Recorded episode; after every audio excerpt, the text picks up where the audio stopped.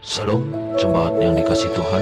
Hari ini kita kembali lagi mengikuti refleksi Gema Sebelum kita memulai mari kita bersama-sama membaca Alkitab sesuai teks dalam Gema Dan membaca Gema hari ini. Tuhan memberkati. Shalom saudara-saudara.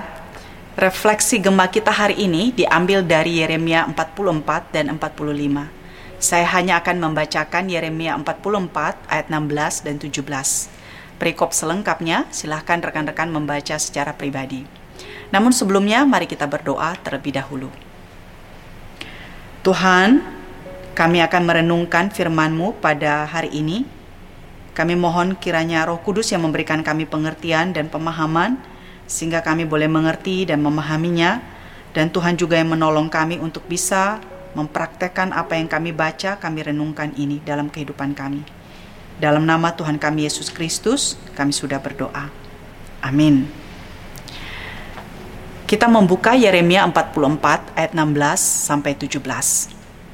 Mengenai apa yang kau katakan demi nama Allah kepada kami itu, kami tidak akan mendengarkan engkau, tetapi kami akan terus melakukan segala apa yang kami ucapkan, yakni membakar korban kepada Ratu Sorga, dan mempersembahkan korban curahan kepadanya seperti telah kami lakukan. Kami sendiri dan nenek moyang kami dan raja-raja kami dan pemuka-pemuka kami di kota-kota Yehuda dan di jalan-jalan di Yerusalem.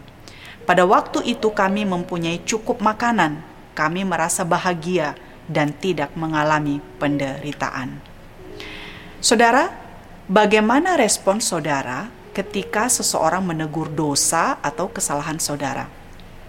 Apakah saudara menerima teguran tersebut dengan rendah hati dan kemudian mengoreksi diri? Atau apakah meresponi teguran tersebut dengan defensif atau membela diri?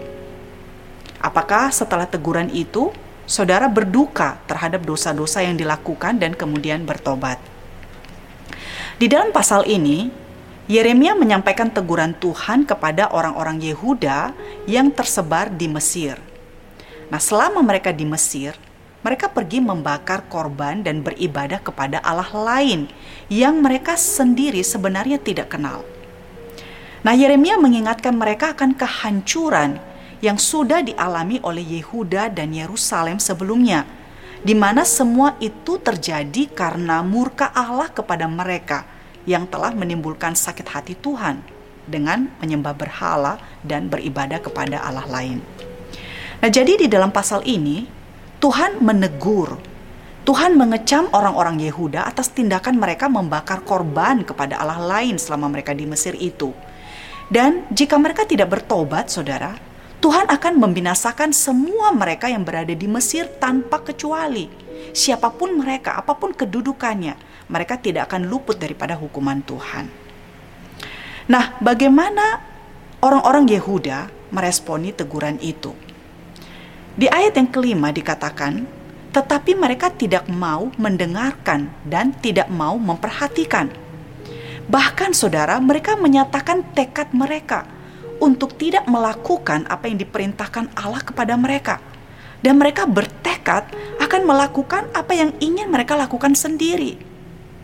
Mereka mengatakan akan terus menyembah Ratu Sorga yang selama ini mereka sembah dan mereka akan tetap mempersembahkan korban kepada Ratu Sorga itu. Nah saudara, respon seorang orang Yehuda ini cukup mengagetkan ya. Mereka bukan hanya tidak mau mendengarkan dan tidak memperhatikan, malah mereka justru menyatakan tekad untuk terus menyembah Ratu Sorga yang mereka telah sembah itu. Nah, menarik untuk kita perhatikan. Argumentasi yang mereka berikan kepada Yeremia adalah bahwa sejak mereka meninggalkan penyembahan berhala, mereka justru mengalami kekurangan segala-galanya. Mereka dihabiskan oleh pedang dan kelaparan. Pasal 44 ayat 18. Namun ketika mereka membakar korban, dan mempersembahkan korban curahan kepada Ratu Sorga, mereka mempunyai cukup makanan, mereka merasa bahagia, dan mereka tidak mengalami penderitaan.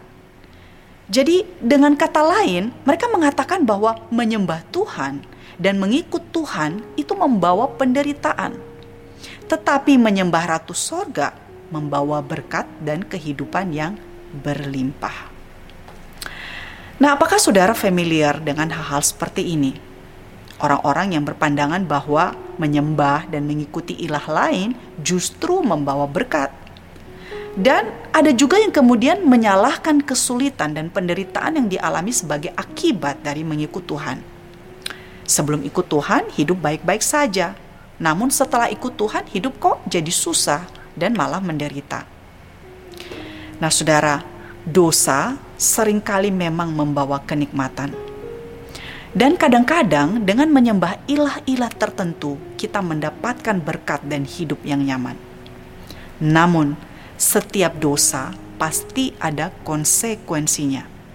Siapa pun yang kita sembah dan kita senangkan, pasti akan menuntut pengorbanan.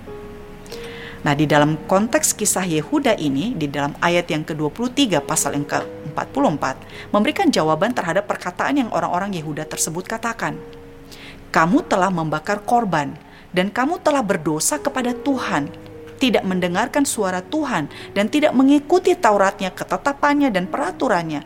Itulah sebabnya malapetaka ini menimpa kamu, seperti yang ternyata sekarang ini. Jadi saudara, Sesungguhnya mereka mengalami kekurangan, dihabiskan oleh pedang dan kelaparan bukan karena mereka meninggalkan penyembahan kepada Ratu Sorga, namun karena mereka tidak mengikuti Taurat ketetapan dan peraturan Tuhan. Pasal 44 ayat 23 tadi. Nah bagaimana respons kita ketika kita ditegur atau diperingatkan? Mari kita belajar dari pengalaman orang-orang Yehuda di Mesir ini. Ketegaran dan kekerasan hati mereka akhirnya membawa penghukuman kepada mereka sendiri. Saudara, betapa kita sangat membutuhkan kepekaan dan kerendahan hati ketika kita ditegur atau diperingatkan. Kalau kita ada dosa atau kesalahan, mari kita datang mengakuinya di hadapan Tuhan dan kita memohon pengampunannya. Mari kita berdoa. Terima kasih untuk firman-Mu bagi kami pada hari ini Tuhan.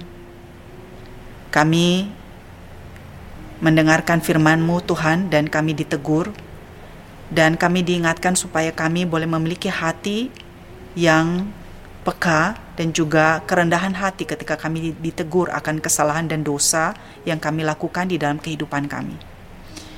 Tuhan tolonglah kami Mampukanlah kami untuk setiap hari merefleksikan diri kami dan mengakui dosa-dosa kami kepada Tuhan. Berikan kami kerendahan hati Tuhan dan berikan kami supaya mengalami pertobatan yang sungguh-sungguh ketika kami menyadari dan mengakui dosa-dosa kami tersebut. Ini doa kami kepadamu. Di dalam nama Tuhan kami Yesus Kristus, kami sudah berdoa. Amin.